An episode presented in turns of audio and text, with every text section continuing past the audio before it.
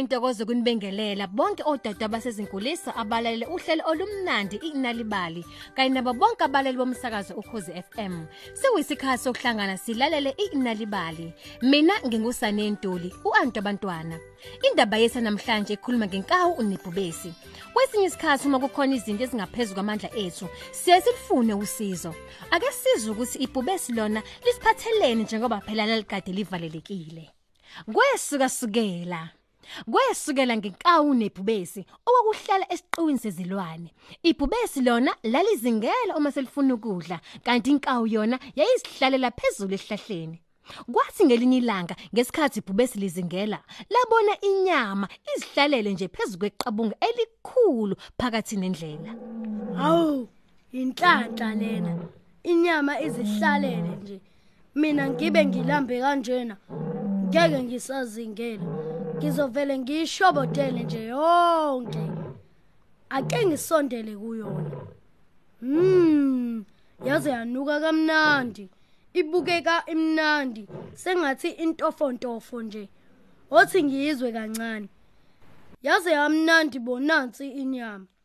Buka nje ibekwe kamnandi phezulu kweqabunga. Yehla esiphundo. Othi ngidle lena enkulu manje.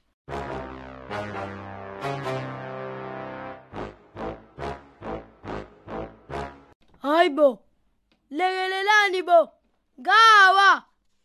Ah! Cishe ngafa kodwa. Ngizokwazi kanjani ukuthi bengingacoshiwe? Bengizokwazi kanjani ukuthi amaqabunga angangiwisa? Kuzomela ngiphume kulomgodi ngaphambi kokuba babuye abazingeli. Bangathini nje sebebona inkosi yezilwane esemgodini? Hawu kodwa bakithi kwaze kwangiyala ukukhala. Bukani nje manje, ngivalelekile lana emgodini. Angikwazi ngisho ukwenzani. Angiyeke ukubalisa isikhathi siyahamba. Sekuhlwile manje. Akuqhamuki umuntu nje ozongisiza. Hu, sengathi inkawu nje lena edlulayo.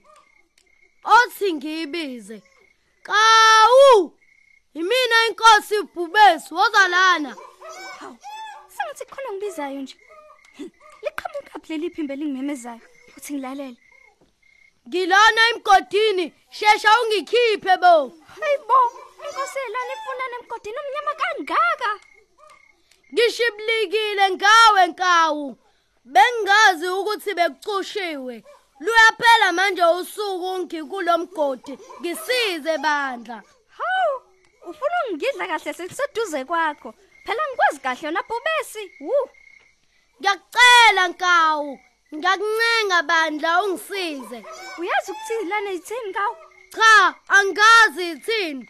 Zonke ilane zithi uma zikusiza ngeke iphile isikhathi eside. Ngeke ziguge ngisho ukuguga.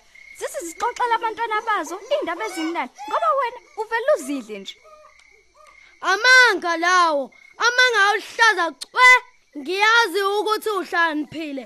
Ngeke uhamba ukholwa wonke amanga ashiwa izitha zami. Kodwa bandla, ngiyakuncenga ukube ungisize. Kulungile. Ngizofaka umsila wami njengentambo bese wena uyabambelela. Ngizokudonsa.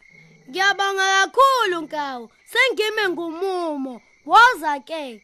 Ih, Aw! Uyasinda. Mhlambe kugcwele inkawu zakithi nje sini sakho. Hey hey hey. Hey. Uyasinda uyasinda uyasinda ngeke ngeke ngeke. Bekezela kancane nkawu. Sengiyaphuma ngidonse nkawu. Ra!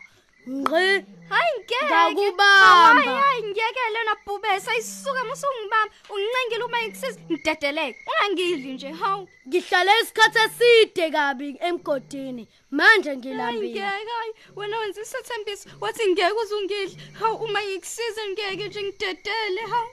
Sekwenze njani ke lana?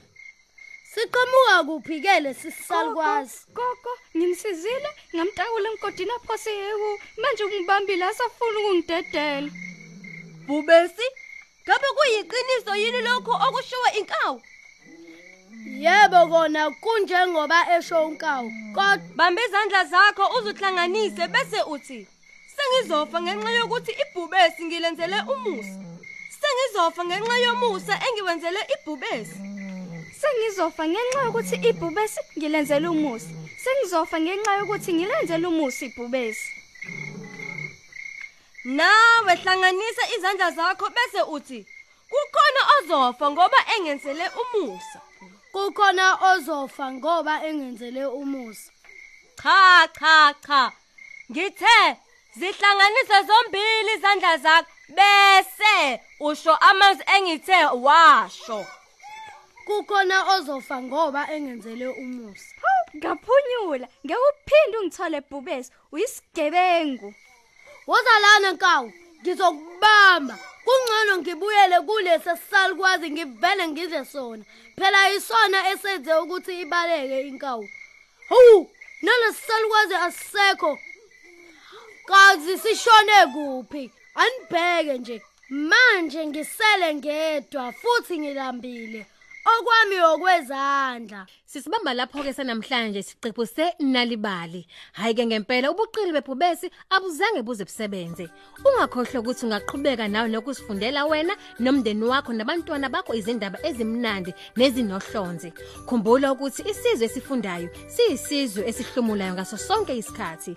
Kanti ungazitholela izindaba ezimnandi mahala kwiselfoni yakho ngokungena nje kwi.nalibali.mobile noma uzitholele ikhophi yenalibali njalo ngolwesithathu kwiphepha lakho iThe Times. Ngale Ngale kwalokho, kwalokho asipinde futhi sihlangane ngokulandelayo kwesinye isiqephu senalibali.